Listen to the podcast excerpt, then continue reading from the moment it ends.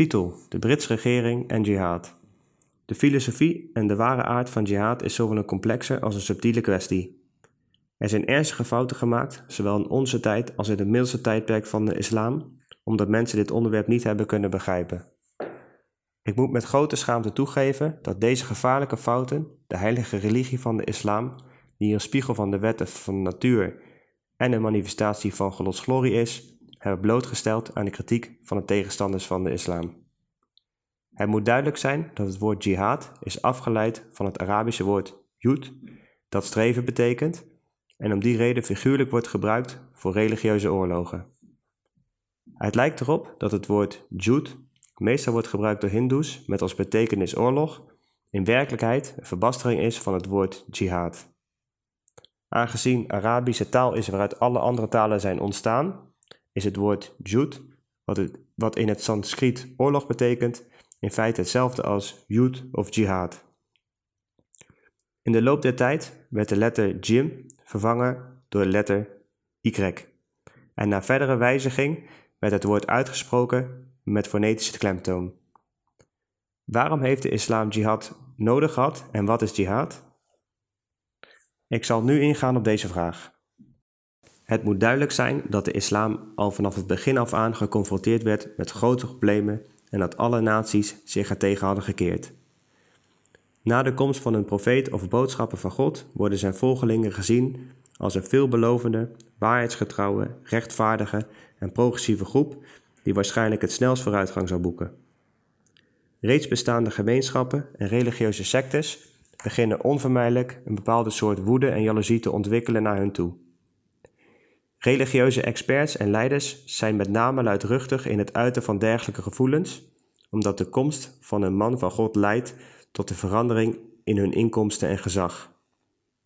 Hun studenten en volgelingen beginnen te ontsnappen uit hun val omdat ze alle uitstekende kwaliteiten van het geloof, moraal en kennis terugvinden in de persoon die afkomstig is van God. De verstandigen onder hun, die onderscheid kunnen maken, beginnen te begrijpen dat deze geleerden niet het respect verdienen die hun eerder was toegekend op basis van educatieve prestatie, vroomheid en terughoudendheid.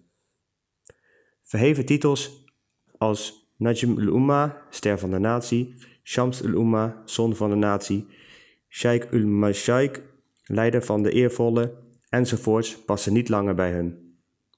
Verstandige mensen die hun geloof niet willen verliezen, keren zich daarom af van deze geleerden.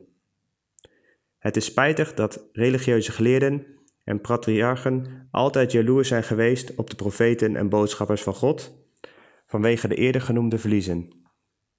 De leden van deze groepen zijn en blijven in feite in gebreken. Zij bezitten zeer weinig goddelijk licht en hun gebreken worden volledig blootgesteld gedurende de tijd van de profeet of boodschapper. Hun ego geeft aanleiding tot vijandigheid jegens Gods profeten en de rechtvaardigen en zij bedenken zelfzuchtige plannen om hun te schaden. Soms beseffen zulke mensen in hun hart dat ze onder Gods toorn zijn gevallen, omdat ze ten onrechte zijn dienaar met een zuiver hart hebben vervolgd.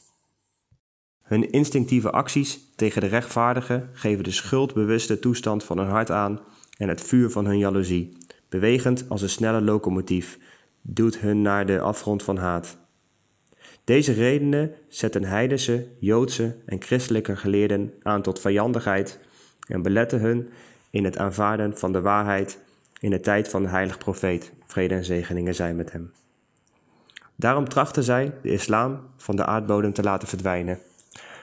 Omdat het aantal moslims gedurende de eerste periode van de islam zo klein was, behandelden hun tegenstanders hun met bittere vijandschap. Dat kwam voort vanuit een natuurlijke arrogantie die de hoofden van diegenen inspireerde die zichzelf als superieur beschouwden ten opzichte van de aanhangers van een nieuw geloof in termen van rijkdom, eigendom, aantal, eigenwaarden en rang. Zij wilden niet dat deze hemelse plant van de islam zich zou wortelen op aarde en vochten uit alle macht om deze rechtvaardige mensen te vernietigen. Zij vreesden dat de verankering van deze religie op zijn beurt het zaad zou zaaien van de vernietiging van hun geloof en natie. Vanwege deze angst, die diep ingepret zat in hun hart, begingen zij daden van extreme vreedheid en vermoorden zij op brute wijze vele moslims. Hun manieren bleven ongewijzigd gedurende een lange periode van 13 jaar. Veel van Gods gelovigen, de eer van de mensheid, werden op vrede wijze in stukken gesneden door de zwaarden van deze barbaren. Wezen en zwakke, hulpeloze vrouwen werden afgeslacht in straten en steegjes. Ondanks alles gebood God dat er geen vergeldingsmaatregelen getroffen zouden worden tegen het kwaad. Dit rechtvaardige en uitverkorene volk hield zich precies aan deze instructie. Ze keken in stilte toe, terwijl de straten rood kleurden met hun bloed. Ze werden afgeslacht als beesten, maar verzetten zich niet. Gods heilige en verheven profeet, over wie de hemelen en de aarde hun zegeningen zenden, werd meerdere malen tot bloedens toe gestenigd. Toch tolereerde deze oprechte rots van waarachtigheid al deze mishandelingen met een open hart en liefde. Deze houding van standvastigheid en nederigheid provoceerde de vijanden van de islam om hun vervolging te intensiveren. Zij keken naar deze heilige gemeenschap zoals een jager naar zijn prooi kijkt.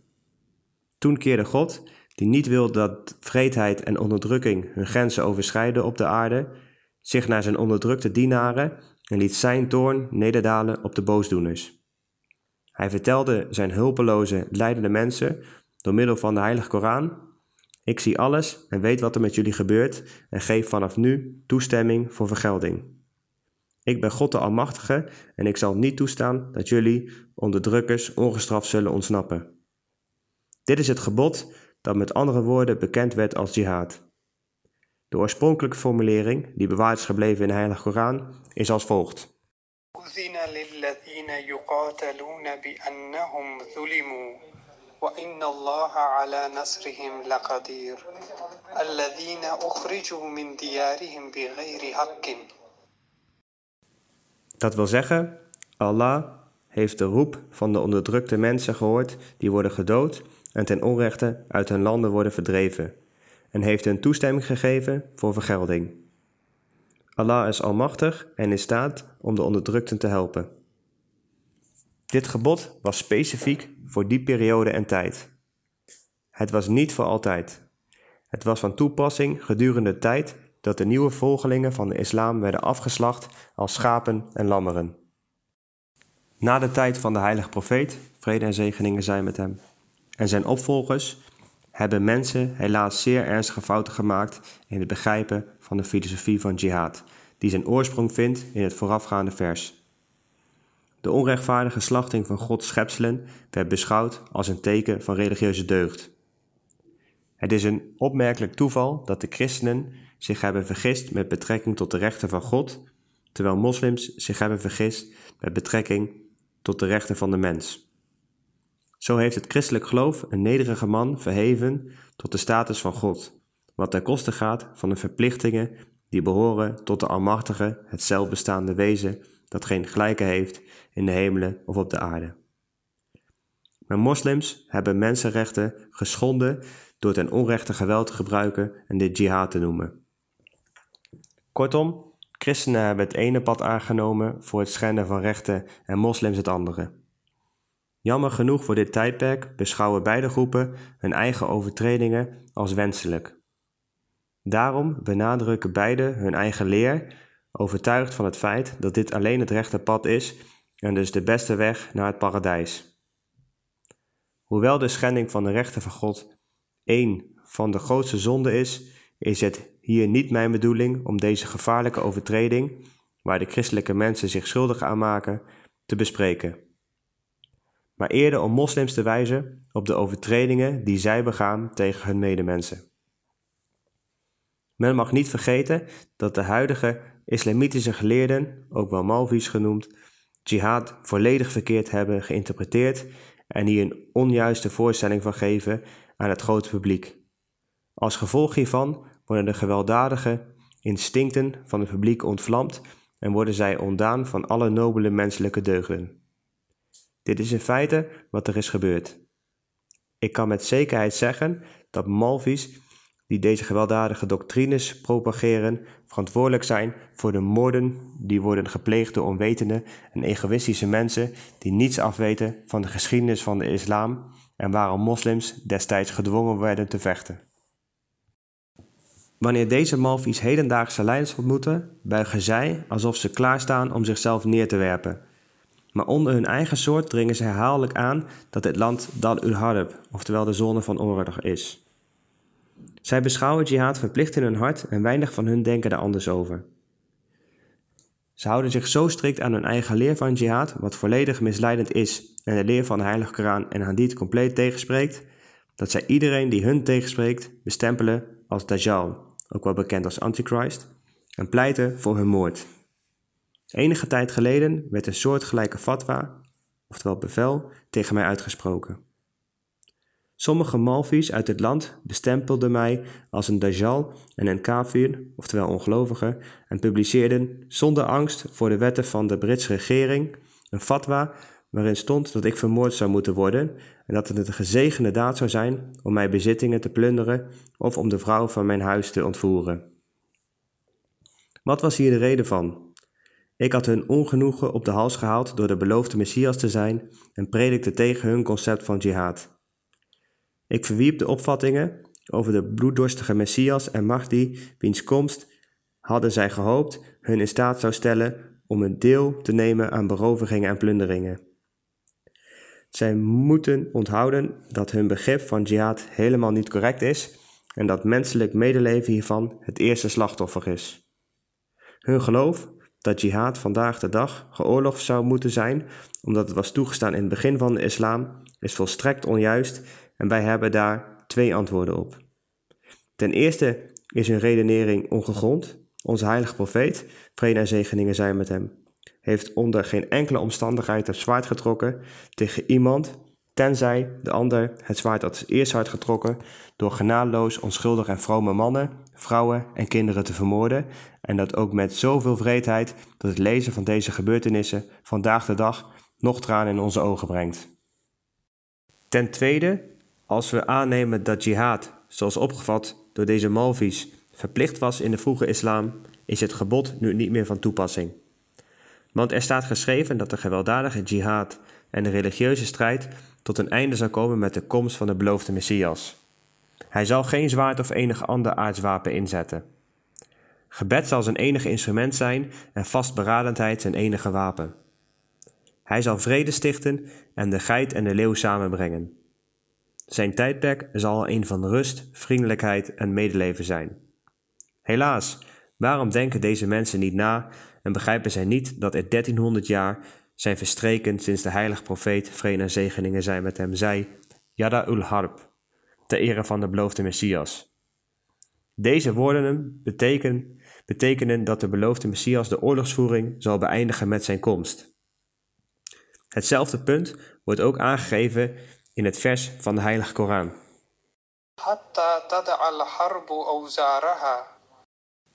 Dat wil zeggen, vecht tot de komst van de beloofde Messias. Dit is de betekenis van het vers van de, uit de Heilige Koran. Sahih al-Bukhari wordt beschouwd als het meest authentieke boek na de Heilige Koran en is beschikbaar. Deze is zorgvuldig. O moslimgeleerden en Malvies, luister naar mij. Ik vertel u waarlijk dat het niet de tijd is voor jihad. Wees niet ongehoorzaam aan de heilige profeet, vrede en zegeningen zijn met hem, van God. De verwachte Messias is gekomen en beveelt jullie te onthouden van religieuze oorlogen met gewapende strijd, moorden en bloedvergieten. Het zelfs nu niet nalaten van bloedvergieten en het geven van zulke preken is dan ook niet de weg van de islam. De persoon die mij accepteert, zal niet alleen stoppen met preken op deze manier, maar zal ook het kwaad van dit pad herkennen en begrijpen dat het de toorn van God uitlokt. Op dit moment moet ik met veel spijt zeggen dat hoewel onwetende Malvies het gewone volk geïnstrueerd hebben te plunderen en te moorden in naam van jihad, de christelijke geestelijken iets vergelijkbaars hebben gedaan. Zij hebben in Urdu, Pashto en andere talen duizenden publicaties, tijdschriften en folders geproduceerd waarin zij beweren dat de islam verspreid is door middel van geweld. Deze literatuur die door hun is verspreid in India, de Punjab en het grensgebied, beweert ten onrechte dat islam gelijk staat aan geweld. Als gevolg van de gecombineerde getuigenis van de Malvies en de christelijke geestelijken is de neiging tot geweld toegenomen. De gevaarlijke leugens van de christelijke geestelijken creëren onrust en oproer en ik ben van mening dat het van essentieel belang is dat onze overheid dit verbiedt. Moslims zullen de islam nooit in de steek laten vanwege deze onzinnige, onzinnige verzinsels. Door herhaaldelijk hun aandacht op de leer van jihad te vestigen, zullen deze preken juist ervoor zorgen dat de moslims uit hun slaap ontwaken. Nu de beloofde Messias is gekomen, is het de plicht van elke moslim om zich te onthouden van een dergelijke jihad. Misverstanden over dit onderwerp zouden misschien gerechtvaardigd kunnen zijn als ik niet was gekomen. Maar ik ben gekomen en jullie hebben de beloofde dag meegemaakt. Degenen die nu het zwaard heffen in de naam van religie, hebben daarvoor geen excuus meer voor God de Almachtige. Degenen met inzicht die de Ahadith lezen en nadenken over de Heilige Koran, zouden heel goed moeten begrijpen dat het soort jihad wat beoefend wordt door de huidige barbaarse mensen niet de islamitische jihad is. Integendeel, deze misleidende activiteiten die zich hebben verspreid onder de moslims, worden aangezet door nafs amara, oftewel het ego dat het kwaad aanzet, of door een primitief verlangen naar het paradijs. Zoals ik al eerder zei, was onze heilige profeet, vrede en zegeningen zijn met hem, nooit degene die als eerste zijn zwaard trok. Sterker nog, zelfs na een lange periode van onderdrukking en geweld door de ongelovigen toonde hij een mate van geduld die door geen mens kan worden geëvenaard. Zijn metgezellen, mogen alle tevreden met hen zijn, hielden zich vast aan dezelfde verheven principes en deden wat hun geboden werd. Zij weerstonden allemaal gruwelijkheden en toonden veel geduld. Zij werden vertrapt, maar gaven geen reactie. Hun kinderen werden voor hun ogen in stukken gesneden. Ze werden gemarteld met vuur en water, maar troffen geen vergeldingsmaatregelen tegen dit kwaad, net als onschuldige kinderen. Kan iemand een voorbeeld laten zien van een groep volgelingen van een van de profeten, die ondanks het in staat zijn om vergeldingsmaatregelen te nemen, toch Gods gebod gehoorzaamde en zich op soortgelijke manier terughoudend opstelde? Wie kan aantonen dat er ooit een andere groep als deze is geweest? Dit was een volk dat moed bezat, eenheid in getallen, kracht, het vermogen om te vechten en alle mannelijke eigenschappen. En toch hebben de moslims zich dertien jaar lang keer op keer weerhouden tegenover een medogeloze en bloeddorstige vijand.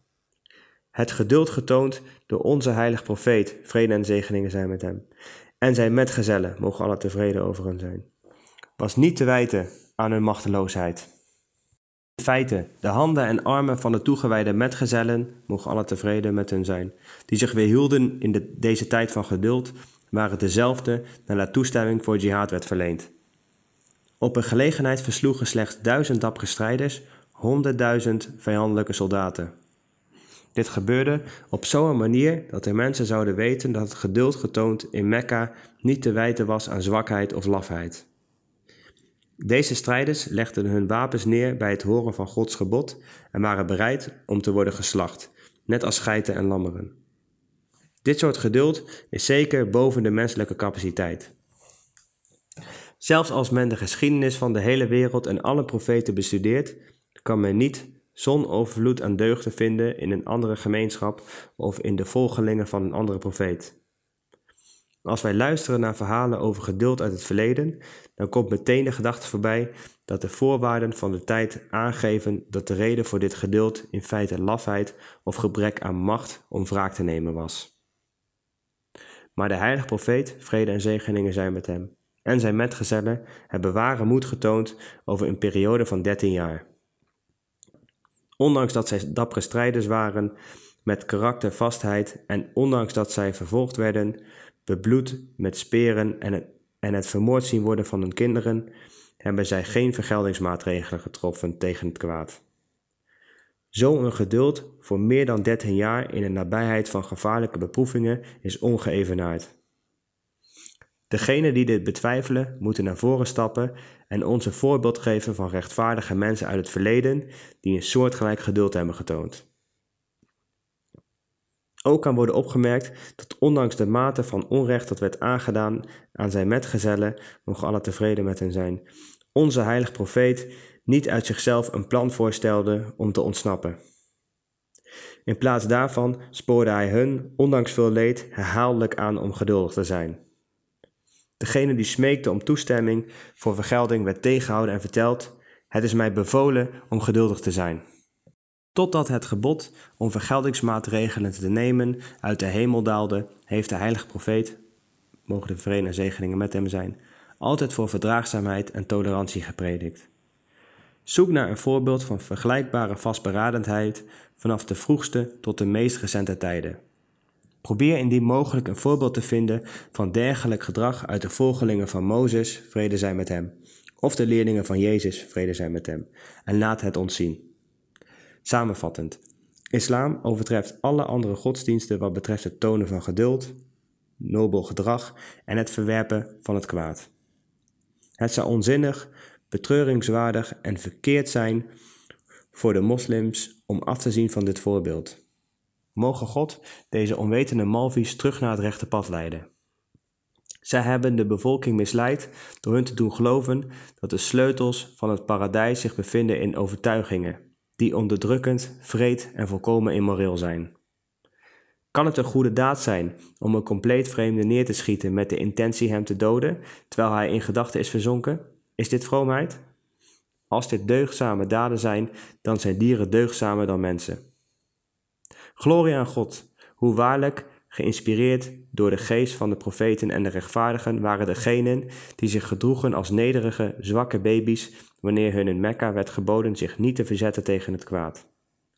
Zelfs toen zij aan stukken werden gesneden, deden zij alsof hun handen en armen geen kracht bezaten. Sommige van hun werden op de volgende wijze gedood. Twee kamelen werden dicht bij elkaar geplaatst. Elk been van het slachtoffer werd vastgebonden aan een van de kamelen. Vervolgens werden de kamelen in tegengestelde richting gestuurd. De slachtoffer scheurde prompt uiteen zoals een wortel of radijs die dwars door midden wordt gespleten. Helaas negeren de moslims en Malvies in het bijzonder al deze gebeurtenissen en beschouwen de hele wereld als hun prooi. Veel Malvies zijn net als een jager in het bos, die stilletjes een hert besluipt en zijn geweer op precies het juiste moment afschiet. Ze weten niets over compassie voor de mensheid. Volgens hun is het een daad van islamitische deugd om met een pistool of geweer op een onschuldig persoon te schieten. Waar zijn degenen die zich zullen gedragen als de metgezellen, mogen alle tevreden met hen zijn, van de heilige profeet, vrede en zegeningen zijn met hem, en zullen zwijgen terwijl ze worden gemotteld? Heeft God ons bevolen om complete vreemden gevangen te nemen en hen in stukken te snijden of hen neer te schieten zonder enige reden of zonder bewijs van overtreding? Kan een religie afkomstig zijn van God als het leert dat je het paradijs kan betreden door zijn onschuldige wezens te doden en wie je nog niet eens de boodschap hebt bezorgd? Is het niet beschamend dat een compleet vreemde onrechtvaardig gedood zou moeten worden terwijl hij bezig is met zijn dagelijkse activiteiten? Waardoor zijn vrouw en kinderen veranderen in een weduwe en wezen en zijn huis verandert in een rouwplaats? Welke hadith of vers uit de Heilige Koran staat dergelijk gedrag toe? Is er een Malfi die een antwoord kan geven? Dwaze mensen horen het woord jihad en gebruiken het als een excuus om hun eigen egoïstische verlangens te vervullen. Of misschien is het wel pure waanzin die hun leidt naar bloedvergieten. Ik heb net verteld dat de islam het zwaard heeft ingezet tijdens de tijd van de heilige profeet. Vrede en zegeningen zijn met hem. Met Gods toestemming, alleen nadat de zwaarden van de ongelovigen vele moslims naar hun graf hadden gestuurd. Toen wilde de eer van God dat degenen die doden met het zwaard ook door een zwaard omgebracht moeten worden.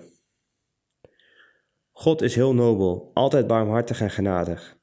Hij toont veel geduld, maar uiteindelijk beschermt hij de eer van de rechtvaardigen. Vandaag worden moslims door niemand gedood vanwege hun geloof.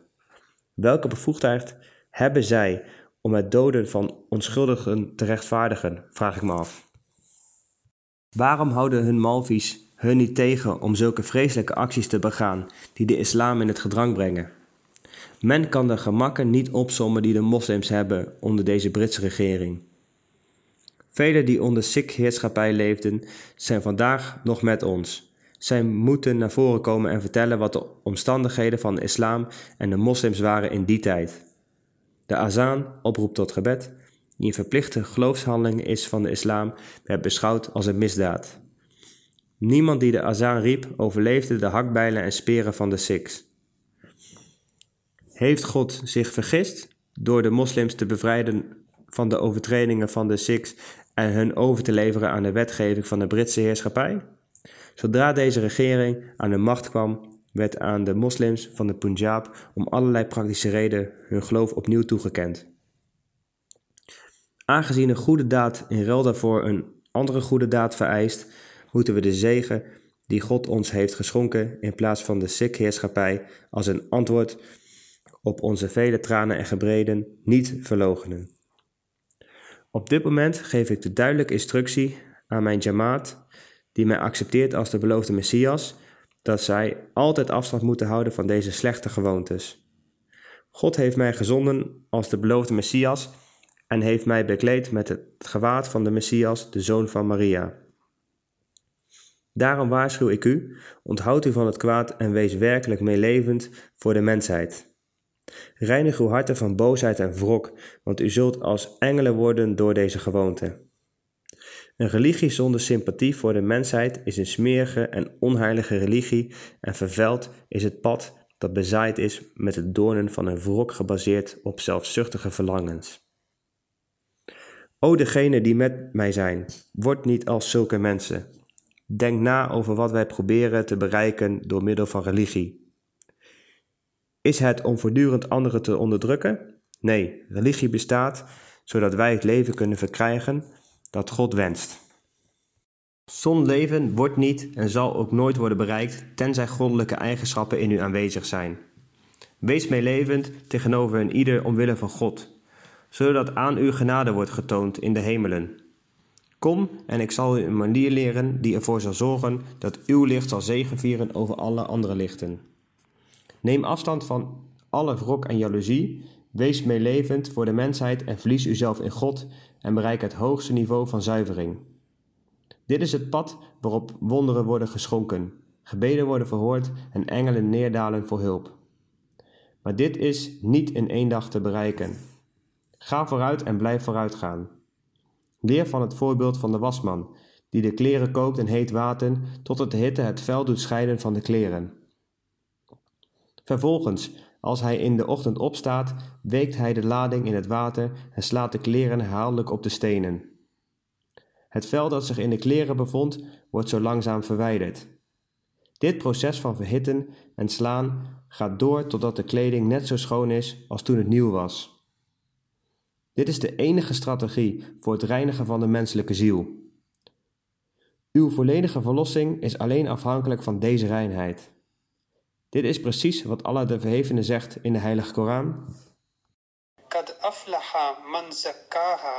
Dit betekent, de ziel die gereinigd is van verschillende soorten vuil en viezigheid heeft succes bereikt.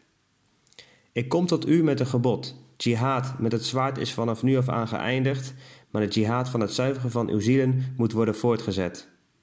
Ik zeg dit niet uit mijzelf. Dit is inderdaad de wil van God.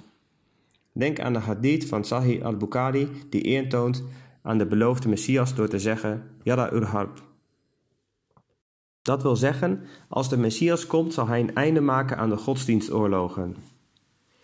Derhalve beveel ik degenen die zijn toegetreden tot mijn gelederen zich te onthouden van al deze gedachten. Hun harten te zuiveren, sympathie te bevorderen en meelevend te zijn tegenover de, de leidende mensen.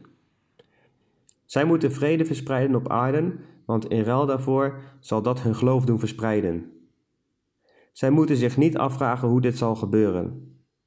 Net zoals God de Almachtige, zonder de gebruikelijke middelen van interventie, gebruik heeft gemaakt van de middelen op aarde om moderne uitvindingen te maken die onze fysieke behoeftes vervullen door het maken van treinen die paarden inhalen, zal Hij op dezelfde manier, zonder hulp van mensenhanden, zijn engelen gebruiken om onze geestelijke behoeftes te vervullen. Grote hemelse tekenen zullen worden gezien en talrijke flitsen van licht zullen vele ogen doen openen. Uiteindelijk zullen mensen erkennen dat zij zich ernstig hebben vergist door gewone mensen en objecten te verheffen naar een goddelijke status. Wees geduldig en blijf kijken, want God bewaakt zijn tawhid, oftewel eenheid van God, met meer jaloezie dan u. Blijf bidden, omdat u niet gerekend wordt tot de ongehoorzamen. O gij, die verlangt en naar de waarheid streeft, luister. Dit zijn de dagen die sinds het begin zijn beloofd. God zal niet veel vertraging toestaan in deze zaken. Net zoals u kunt zien dat de lamp geplaatst op de top van een minaret zijn licht wijd verspreidt en net als bliksem in één deel van de lucht ook alle andere delen verlicht, zo zou het ook zijn in deze dagen.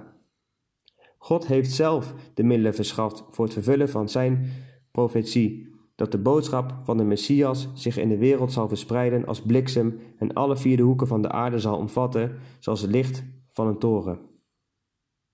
De spoorwegen, telegrafie, stroomscheven, uitstekende postdiensten, gemakkelijke manieren van reizen en andere, en andere dergelijke middelen zijn opgericht om de profetie te vervullen dat de boodschap van de Messias elke hoek zal belichten als bliksem. De ware aard van de toren van de Messias, die wordt vermeld in de Ahadith, is dat de uitnodiging van de Messias en zijn boodschap zich zo snel zal verspreiden op deze aarde, zoals het licht of geluid van een toren verrijkt. Daarom zijn treinen, postdiensten, stoomboten, het gemak van prediken en reizen allemaal speciale tekenen van de tijd van de Messias, die zijn genoemd door vele profeten. De Heilige Koran vermeldt. Dit betekent dat het de tijd van open uitnodiging, ofwel de tijd van de beloofde Messias, zal zijn wanneer kamelen onbruikbaar worden. Er zullen nieuwe manieren van reizen uitgevonden worden, waardoor kamelen dus niet meer nodig zullen zijn. Het wordt ook vermeld in de hadith dat in andere woorden, kamelen zullen onbruikbaar worden in die tijd. Dit teken is niet benoemd voor de tijd van een andere boodschapper. Wees dus dankbaar dat er voorbereidingen worden getroffen in de hemel voor het verspreiden van goddelijk licht. Er worden ook zegeningen opgewekt op de aarde. U bent getuige van een gemak in reizen en bewegen dat niet bekend was voor uw ouders en grootouders. Het is net alsof dit een nieuwe wereld is. Er zijn vruchten beschikbaar buiten het seizoen. Reizen die ooit zes maanden duurden, kunnen nu in een aantal dagen voltooid worden. Nieuws wordt direct duizenden mijlen uitgezonden en er bestaan apparaten en machines die u helpen met elke taak. Als u wilt, kunt u met de trein reizen met hetzelfde gemak alsof u thuis in uw boomgaard zou vertoeven. Heeft u de aarde niet een revolutie zien ondergaan? Net zoals er een verbazingwekkende omwenteling op aarde plaatsvindt, is het Gods wil dat er ook een verbazingwekkende omwenteling in de hemelen optreedt. Dit zijn beide tekenen van de dagen van de Messias. De openbaring hieronder, twintig jaar geleden, vermeldt in mijn boek Brahim e Ahmadiyya, verwijst naar deze tekenen. Inna samawati wal arda kanata ratkan fafataknahuma. Dit betekent dat de hemelen en de aarde vastgebonden zaten als een bundel en hun hele elementen verborgen waren. God heeft beide bundels losgemaakt in de dagen van de Messias en hun geheimen onthuld. Zoals ik uitgebreid heb omschreven in dit boekje, is de traditie die heerst onder moslims om mensen van andere religies aan te vallen, wat zij jihad noemen, niet de jihad van de goddelijke religieuze wet, oftewel sharia. Integendeel, het is een zware zonde om een schending van de duidelijke instructies van God en zijn profeet vrede zijn met hem. Het zal niet makkelijk zijn voor bepaalde moslims om deze traditie te verlaten, omdat het diep verankerd zit bij sommige stammen. In feite, omdat zij denken dat ze Gazis zijn, kunnen ze aardsvijanden worden van degene die hun in deze praktijk adviseert en zelf proberen hem te vermoorden.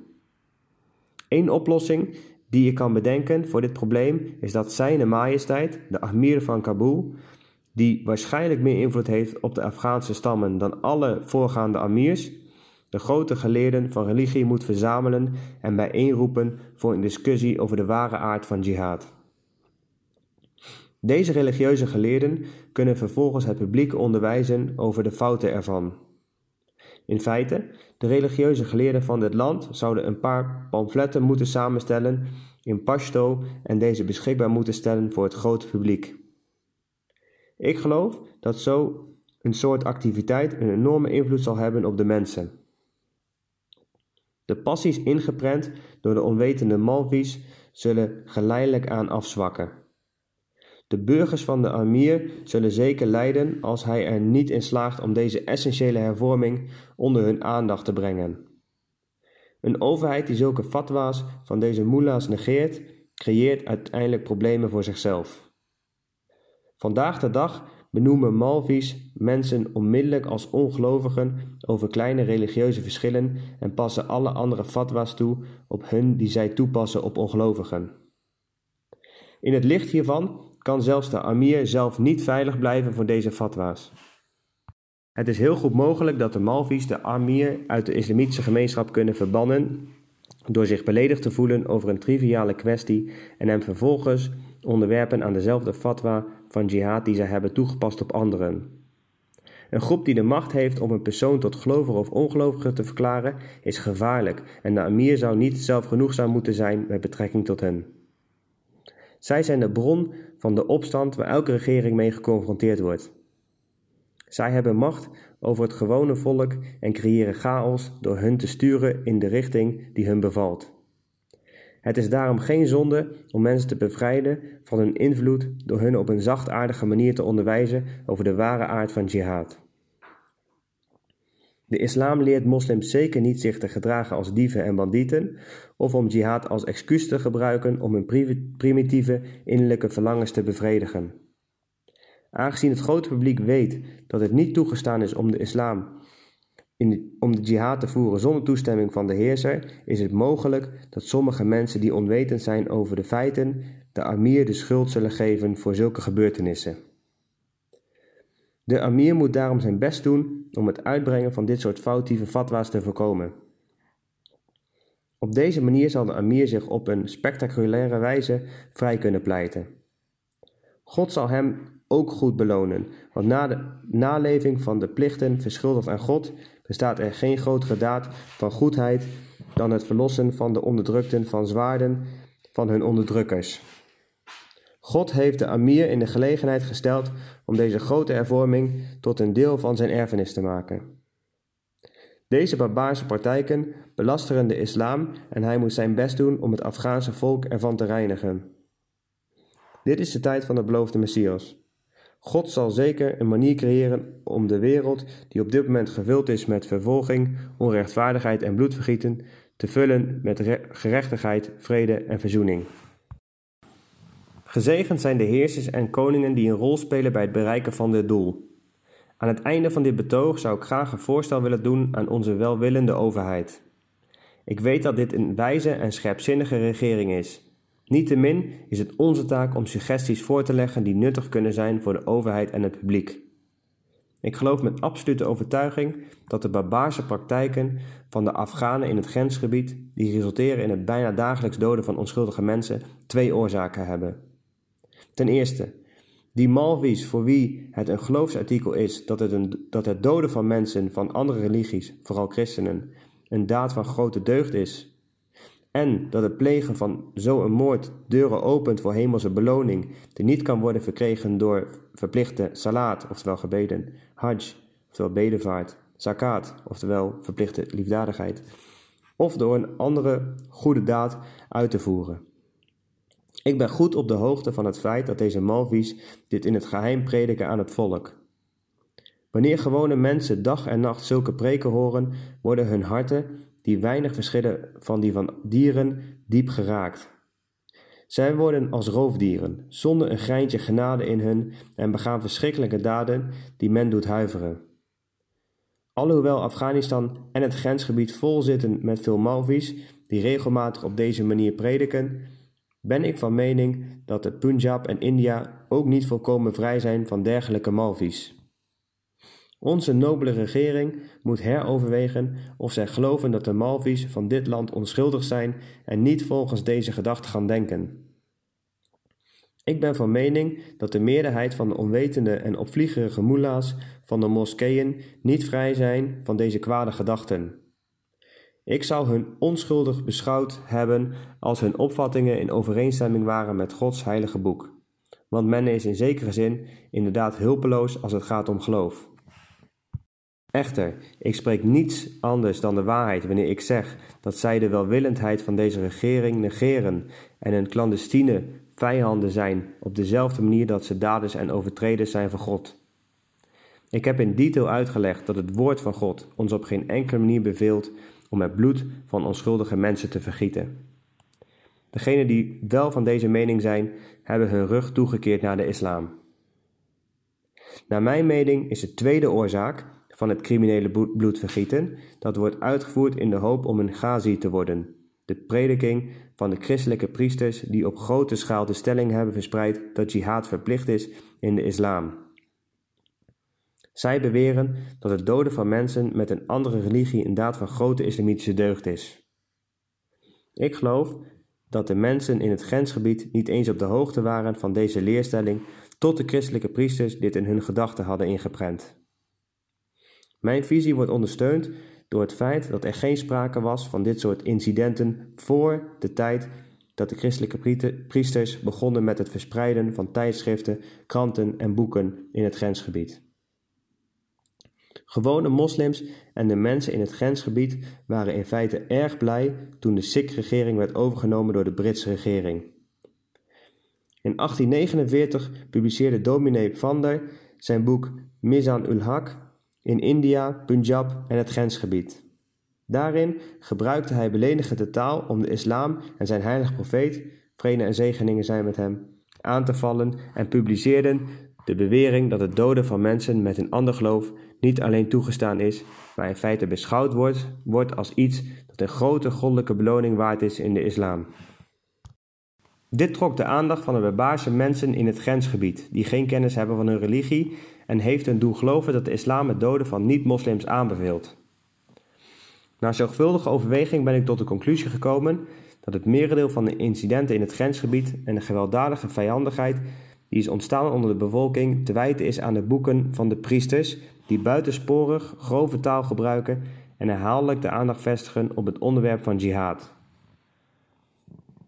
Uiteindelijk werd, na de grote publiciteit die Mizan ul Haq ontving en het vergiftende resultaat ervan, onze regering gedwongen wet nummer 23 van 1867 uit te geven om de verspreiding van de militante ideeën van de bewoners van het grensgebied te controleren.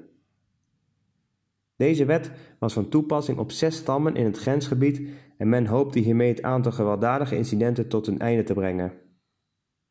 Helaas hebben de daaropvolgende gewelddadige en bittere geschriften van dominee Imad Udin van Amritsar en een totaal andere, vuile taal gebruikende priesters de welwillendheid en verzoening in het land sterk beschadigd. De boeken van andere predikanten, die we niet in detail zullen bespreken, hebben ook haat gezaaid in de harten van de mensen en daardoor bewezen een groot obstakel te zijn in de pogingen tot verzoening van onze nobele regering.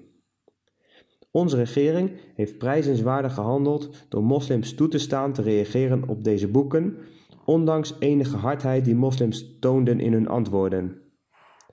Deze scherpe reacties dienden niettemin als een opvallende getuigenis voor het ruimdenkende karakter van de overheid.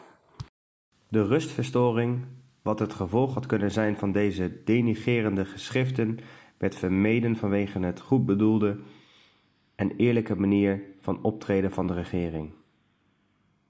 Wij erkennen met grote spijt dat de islamitische Molvi's zich op een onjuiste definitie van jihad hebben gericht en de stammen van het grensgebied geleerd hebben om deze bevriende regering onterecht te schaden door het bloed van zijn eervolle officieren te vergieten.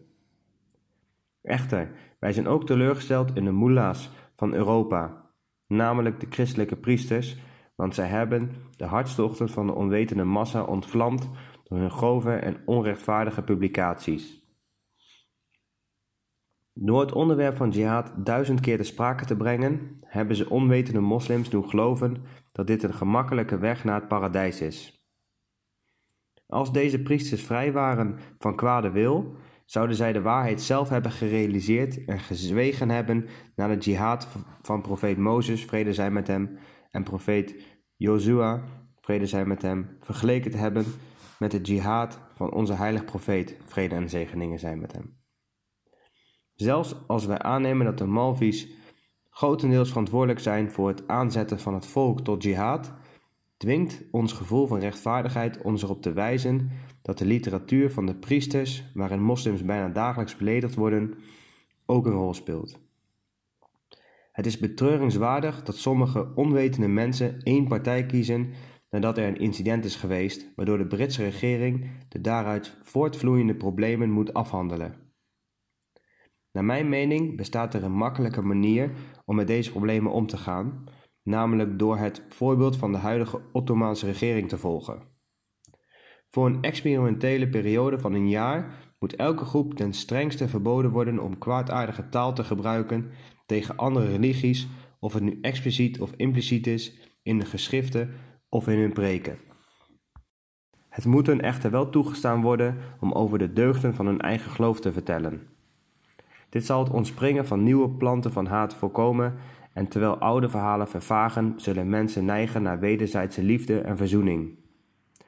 Wanneer de barbaarse mensen van het grensgebied de liefde en vriendschap zien groeien tussen naties, dan zullen zij ook onder de indruk zijn en op hun beurt net zoveel sympathie tonen voor christenen zoals een moslim toont naar een andere moslim. Een tweede suggestie is dat als de Malvis van de Punjab en India werkelijk deze uitleg van jihad willen weerspreken, dan moeten zij hierover tijdschriften publiceren, deze vertalen in het Pashto en vervolgens verspreiden onder de stammen van het grensgebied. Deze zullen zeker zeer effectief blijken. Echter, dit alles moet gebeuren met een eerlijk hart en enthousiasme en niet met schijnheiligheid. Vrede zij met hen die de adviezen opvolgt. Gepubliceerd door de nederige Mirza Ghulam Ahmad, de beloofde Messias. Op zoek naar veiligheid en vrede van Allah. Van Kadiaan, 22 mei 1900. Titel: Aanvulling op het boekje Jihad. De onvervalste waarheid over mijn aanspraak dat ik Jezus de Messias en Mohammed Mahdi ben en een voorstel overhandigd aan Zijne Excellentie de Onderkoning. Ik heb in veel van mijn boeken uitgelegd dat mijn aanspraak dat ik Jezus de Messias en Mohammed Mahdi ben, niet is gebaseerd op het idee dat ik werkelijk Jezus of de heilige profeet Mohammed, vrede en zegeningen zijn met hem ben. Niettemin zullen degenen die mijn boeken niet grondig hebben bestudeerd, gissen dat ik verwijs naar reïncarnatie, alsof ik beweer dat de zielen van beide heilige mannen opnieuw in mij verschenen zijn. Dit is niet het geval. Het feit is dat vroegere profeten voorspelden dat er in de latere dagen twee soorten overtredingen zouden zijn. Eén tegen de rechten van Gods schepping en de andere met betrekking tot de rechten van de schepper. Zij voorspelden dat moordenaars de rechten van Gods schepping zouden schenden door veel onschuldig bloed te verspillen onder het voorwendsel jihad, erin gelovend dat zij met zulke handelingen een grote goddelijke beloning zouden verdienen. Ze voorspelde eveneens dat religie als excuus zou worden gebruikt om het menselijk ras op veel andere manieren te vervolgen. De tijd die werd voorspeld is dan ook aangebroken. Ieder godvrezend persoon moet toegeven dat de mensenrechten constant worden geschonden en onmenselijke vreedheden iedere dag gebeuren. Bijvoorbeeld, iedere dag vermoorden de gewelddadige stammen van de grensgebieden Britse officieren die zowel hun leven en bezittingen als dat van hun, van hun moslimbroeders beschermen. Dit is duidelijk vreedheid en een schending van de mensenrechten. Herinneren zij zich niet de tijd van de Sikhs die bereid waren degene te doden die allen maar de azaan, oftewel oproep tot een gebed, verrichten? Wat heeft de Britse regering gedaan waardoor haar gerespecteerde ambtenaren een dergelijke behandeling verdienen? De Britse regering heeft volledige vrijheid van godsdienst toegestaan zodra ze de Punjab binnentraden. De tijd dat we zelfs werden aangevallen bij het fluisteren van de azaan verdween. Niemand zal u tegenhouden als u nu vanaf de minaretten de azaan omroept en gezamenlijk de salat, oftewel gebed, verricht. De moslims leefden in de tijd van de Sikhs als slaven, maar hun waardigheid werd hersteld door de Britse overheid. Hun leven, bezittingen en eer zijn nu veilig. De deuren van islamitische bibliotheken werden weer geopend. Is de Britse regering welwillend of onderdrukkend geweest? In de Sikh-periode werden zelfs de graven van moslimouderen opgegraven. Het incident van Sirint ligt nog vers in ons geheugen. Hoe het ook zij, deze regering beschermt zowel de levenden onder ons als de graven van onze doden. We leven onder de bescherming van een welwillende en vreedzame regering die geen enkel spoor van religieuze vooroordeel heeft getoond. Een moslim mag aan zijn religieuze verplichtingen voldoen, inclusief hajj, bedevaart, zakat, verplichte liefdadigheid en salat, de gebeden. Of hij kan op goddelijk bevel verklaren de mujahid, oftewel hervormer, van de tijd te zijn, of een wali, de heilige, een aartsvaarder, de messias of de mahdi, de beloofde hervormer. Deze onpartijdige regering raakt niet verwikkeld in deze zaken, behalve als deze persoon de wetten van het land overtreedt en zich bezighoudt met rebellie. Moslims beantwoorden de verdraagzaamheid en welwillendheid van de regering met het onrechtmatig vermoorden van onschuldige ambtenaren, die dag en nacht bezig zijn om het land op rechtvaardige wijze te dienen. En wanneer er wordt gezegd dat de moslims en malvies van ons land zonder zonde zijn, omdat de grensgebieden de schuldigen zijn, dan wil ik er respectvol op wijzen dat zij gezondigd hebben, of iemand het aanneemt of niet. Terwijl we de vurigheid observeren waarmee de barbaarse stammen van de grensgebieden proberen om Gazis, oftewel overlevenden van een religieuze oorlog te worden, zien we aan de andere kant dat de Malvies van dit land geen enkel gevoel van oprechte sympathie tonen aan de Britse regering en aan ambtenaren en officieren.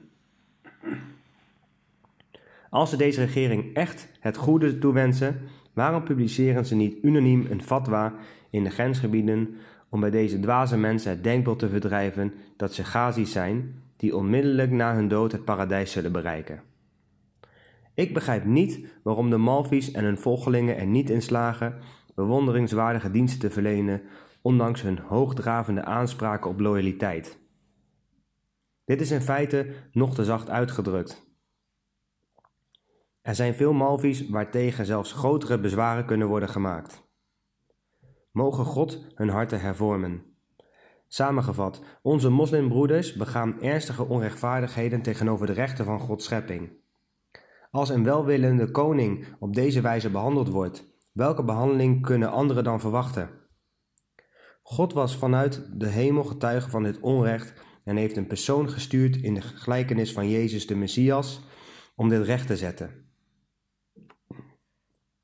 Hij noemde hem de Messias op dezelfde wijze waarop de weerkaatsing van een, van een gezicht in het water of een spiegel figuurlijk de terugkeer van die persoon genoemd kan worden. Want de leerstellingen die ik nu benadruk, zoals liefde voor de vijand en medeleven voor Gods creatie, zijn vroeger benadrukt door die gerespecteerde profeet, wiens naam Jezus de Messias is. In plaats van hun vijanden lief te hebben, gebruiken sommige hedendaagse moslims schandelijke religieuze voorwendselen om onschuldige mensen te vermoorden, die zonder kwaad te doen alleen maar goede dingen voor hun hebben gedaan. De komst van iemand die openbaringen van God ontvangt, de eigenschappen heeft van de Messias en een boodschap van vrede bevordert, was nodig om deze mensen te hervormen. Had deze tijd niet de avatar, oftewel tweede komst, nodig van Jezus de Messias? Natuurlijk wel. Tegenwoordig zijn miljoenen moslims bereid andere mensen te vermoorden onder het voorwendsel van jihad. Inderdaad, sommigen zijn niet in staat om hun recht te houden van een vriendelijke regering terwijl ze onder haar bescherming leven. Ze zijn niet in staat het hoogste niveau van sympathie te bereiken en kunnen zich niet zuiveren van huichelarij en schijn.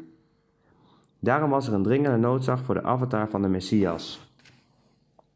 Dus ik ben die beloofde avatar, die is gezonden in de spirituele gelijkenis, persoonlijkheid en karakter van Jezus de Messias.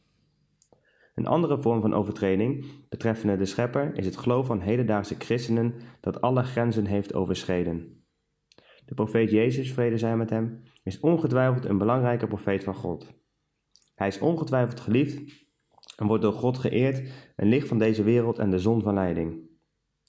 Hij werd door de Heere God verheerlijkt en bezat een status dicht bij de troon van God. Miljoenen van degenen die van hem houden, zijn leerstellingen volgen en handelen volgens zijn leiding, zullen verlossing van de hel ontvangen. Het is echter een ernstige fout en ongeloof om een uitverkorene dienaar van God te vergoddelijken. Degenen van wie God houdt, zijn heel dicht bij Hem en hebben een speciale relatie met Hem.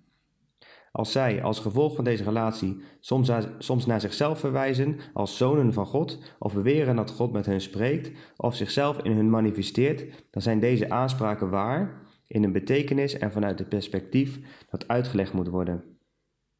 Het gebruik van zulke termen voor degenen die zichzelf in God verliezen en dan in een nieuwe vorm tevoorschijn komen nadat ze gevoed zijn met het licht van God, is sinds tijden een respectvolle traditie onder degenen aan wie goddelijke kennis is verleend. Soms wordt gezegd dat God in zo'n persoon is verschenen. Deze uitdrukking betekent niet dat deze persoon zelf Rabbul Alamin, oftewel Heer van alle werelden, is.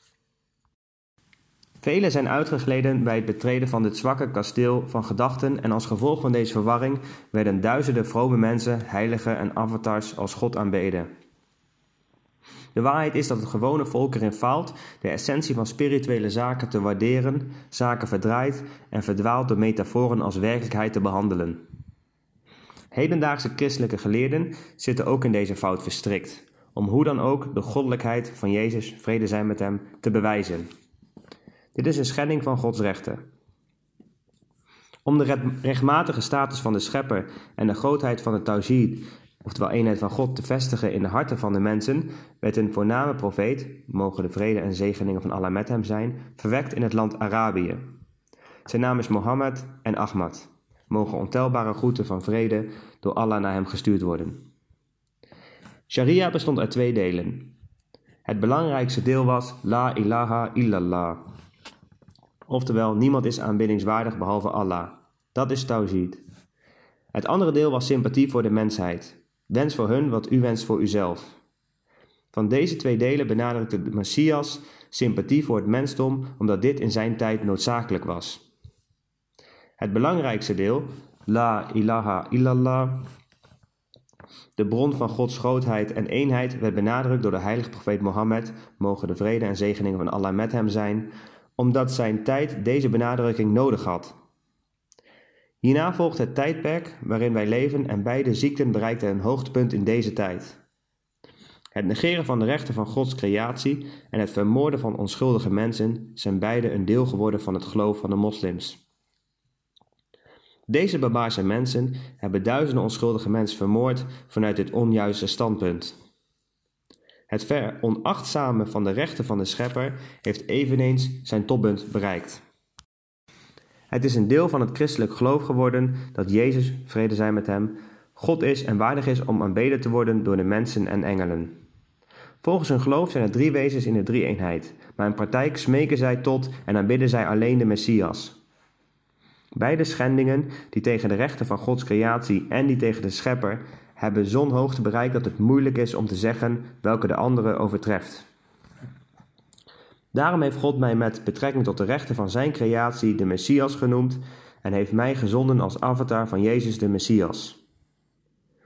Op dezelfde wijze heeft hij mij met betrekking tot de rechten van de schepper Mohammed en Ahmed genoemd en mij gezonden als de avatar van de heilige profeet. Vrede en zegeningen zijn met hem. Overeenkomstig deze betekenissen ben ik Jezus de Messias en ook Mohammed Mahdi.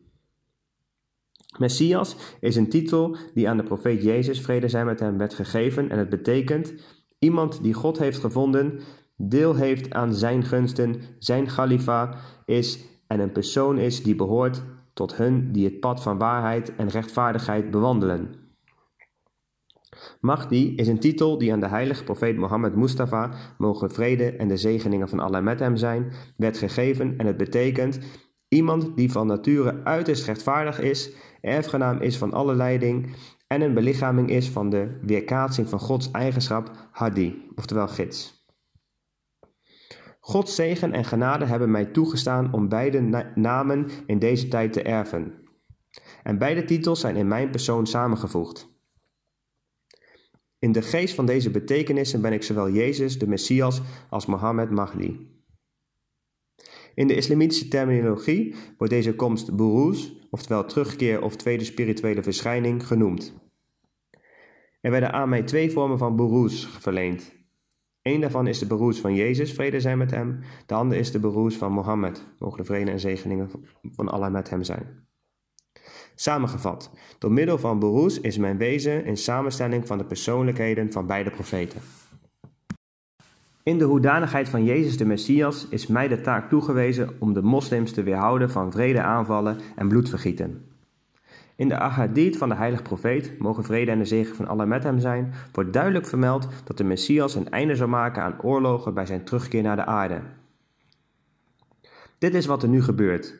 Het aantal van mijn volgelingen, die in verschillende delen van Brits-Indië wonen, bedraagt nu 30.000 of iets meer. Iedere persoon die op mijn hand bad, oftewel eet van trouw, aflegt en in mij gelooft als de beloofde Messias, moet aanvaarden dat jihad in deze tijd volledig verboden is omdat de Messias is gekomen. Hij moet in het bijzonder loyaal zijn, oprecht en niet schijnheilig aan de Britse regering. Deze vlag van vriendschap is nu gehezen. En al hadden zij dit gewenst, zelfs 100.000 Malvi's zouden niet in staat zijn een gelijkbeweging op te richten om een gewelddadige jihad te beëindigen. Als God het wil, ik hoop dat deze gezegende en vredelievende Jamaat, die de ideeën van jihad en gewapende strijd zal uitvlakken, binnen enkele jaren zal toenemen tot honderdduizenden en dat zij die gewelddadige jihad uitvoeren, hun inzichten zullen veranderen. In de hoedanigheid van Mohammed Mahdi is het mijn taak om Tawhid opnieuw te vestigen met behulp van goddelijke tekenen. Onze Heer en Meester Hazrat Mohammed, mogen vrede en de zegen van Allah met hem zijn, vestigde de grootheid, macht en de kracht van God in de harten van de afgodendienaren in Arabië alleen maar door middel van hemelse tekenen.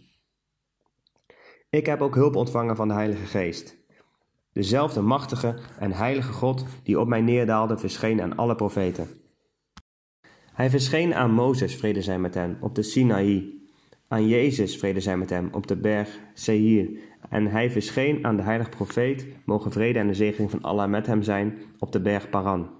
Hij sprak met mij en zei: Ik ben het hoogste wezen voor wiens aanbidding alle profeten werden gezonden.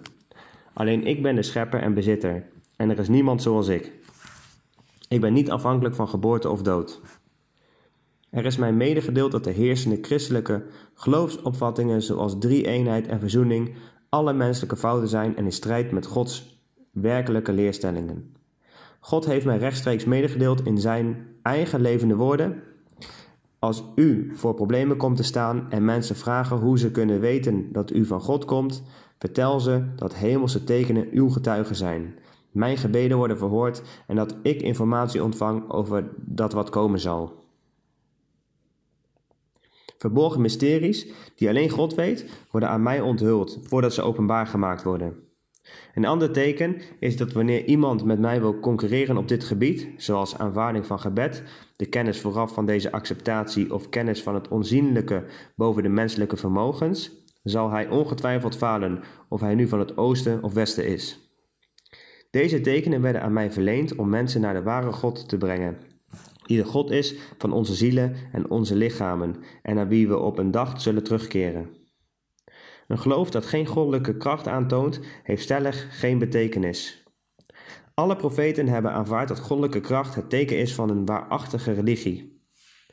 Er moet worden opgemerkt dat het niet kort geleden is dat God mij deze twee namen heeft gegeven. In een openbaring die genoemd wordt in mijn boek Brahim e Ahmadiyya, die ongeveer 20 jaar geleden werd gepubliceerd, gebruikte God deze twee namen voor mij, Jezus de Messias en Mohammed Mahdi, zodat ik de boodschap van God, zoals hierboven is vermeld, zowel aan de christenen als aan de moslims zou kunnen verkondigen. Helaas, alle zoekers hebben de gelegenheid gekregen om door mij voldoening te ontvangen, als hun harten het maar wensten en zij de laatste dag vreesden. Een levende godsdienst beschikt over Gods kracht en laat zijn aangezicht zien door wonderbaarlijke werken. Ik getuig dat het geloof in Tawhid, dat is islam, een godsdienst is waarin Gods creatie niet de plaats van de schepper inneemt. Het christendom kwam ook van God, maar helaas is het niet langer meer gebaseerd op deze leerstellingen. Het is ook teleurstellend dat de moslims van deze tijd zichzelf hebben beroofd met, van het tweede deel van de goddelijke wet, dat bestaat uit sympathie, liefde en de geest van dienstbaarheid. Het is beschamend dat zij zich overgeven aan barbaarse gewoonten, ondanks dat zij in Tawhid geloven. Ik heb herhaaldelijk geprobeerd om ze van deze gewoonten te bevrijden.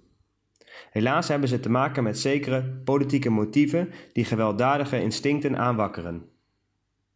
De geschriften van sommige onverlichte priesters hebben ook een vergiftende werking op hun gehad. Er zijn een aantal boeken geschreven die volstaan met beledigingen en leugens over de heilige profeet, mogen de vrede en zegeningen van God met hem zijn. De boeken geschreven door eerwaardig Imad Udin, eerwaardige Takardas en Safdar Ali, het boek Umal Hatul Mominin en het dagboek van eerwaardige Riwarhi zijn alle hiervan een voorbeeld. Iedere moslim die niet beschikt over een hoge graad van geduld en verdraagzaamheid zal na het lezen van deze literatuur emotioneel worden, omdat in plaats van beschaafde discussie ruwe taal wordt gebezigd die moeilijk te verdragen is. Een gerespecteerde priester schreef in zijn krant de Lucknow dat als de gebeurtenissen van 1857 zich zouden herhalen, dit te wijten zou zijn aan de boeken van eerwaarde Imad Udin. Het is noemenswaardig dat de literatuur van eerwaarde Imad Udin opruimend genoeg is om een gerespecteerde priester zijn mening te laten horen. In het licht van deze heftige emoties onder de moslims heb ik onlangs een stevig antwoord op deze boeken gegeven, zodat de moslims er enige hoop uit konden halen en vertroosting konden vinden van hun verdriet. De moslims hadden hier profijt van en hun pijn werd dankzij deze weerleggingen verlicht. Niettemin blijft het probleem bestaan omdat de priesters literatuur blijven produceren die gevoelige en gepassioneerde moslims niet kunnen verdragen. De christelijke priesters hebben zich op een gevaarlijke manier van actievoeren begeven.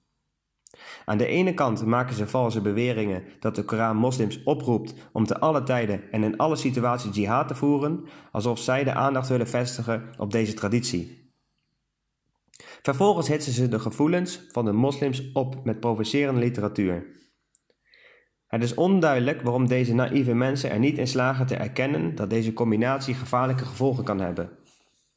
Ik heb herhaaldelijk geschreven dat het bevel voor jihad beslist geen bevel uit de Koran is.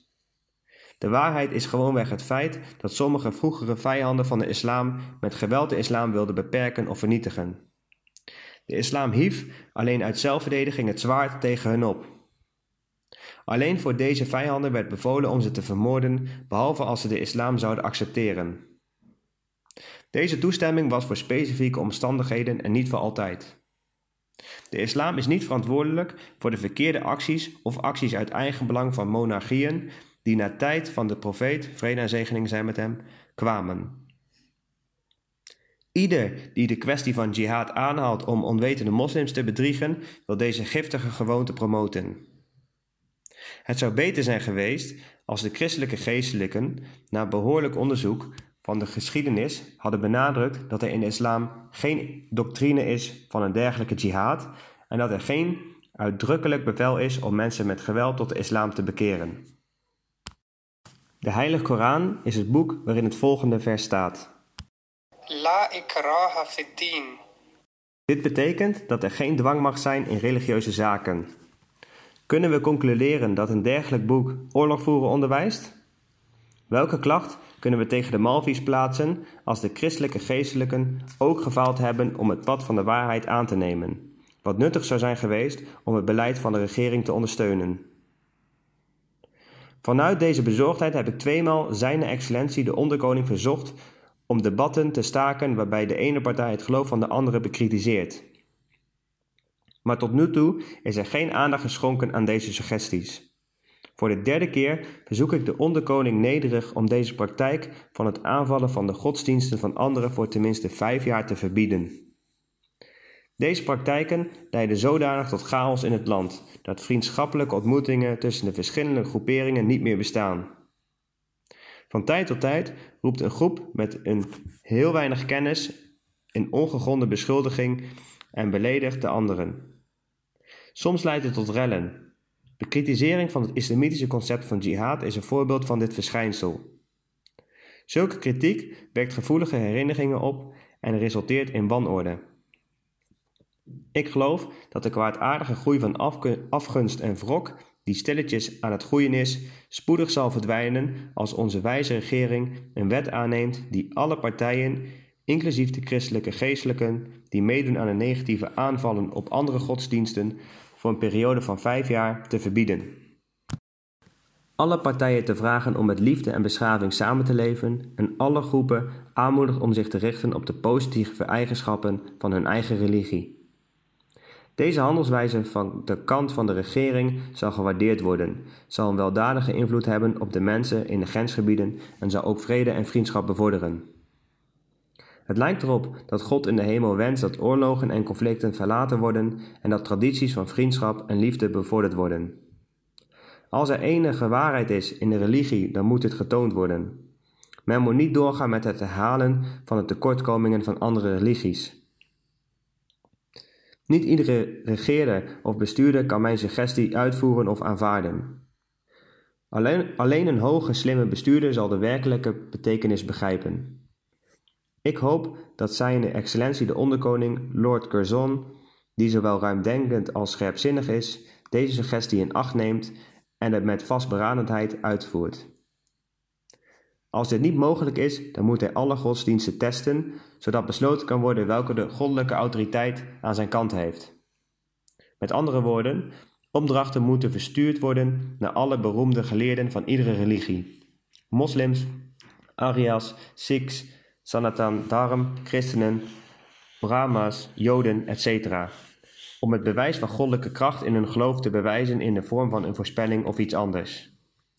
De religie die beoordeeld wordt dat zij de sterkste goddelijke kracht bezit, moet als waarachtig verklaard worden en met respect behandeld worden. Omdat ik vanuit de hemel gezag heb gekregen, geef ik mij vrijwillig op namens mijn volgelingen en ben ik klaar voor deze wedstrijd. Op hetzelfde moment bid ik dat Allah altijd onze regering mag zegenen, onder wiens bescherming wij de gelegenheid hebben om suggesties te doen die de macht van God demonstreren. Met groeten van vrede, 7 juli 1900. Ondertekend door de nederige Mirza Ghulam Ahmad van Qadian.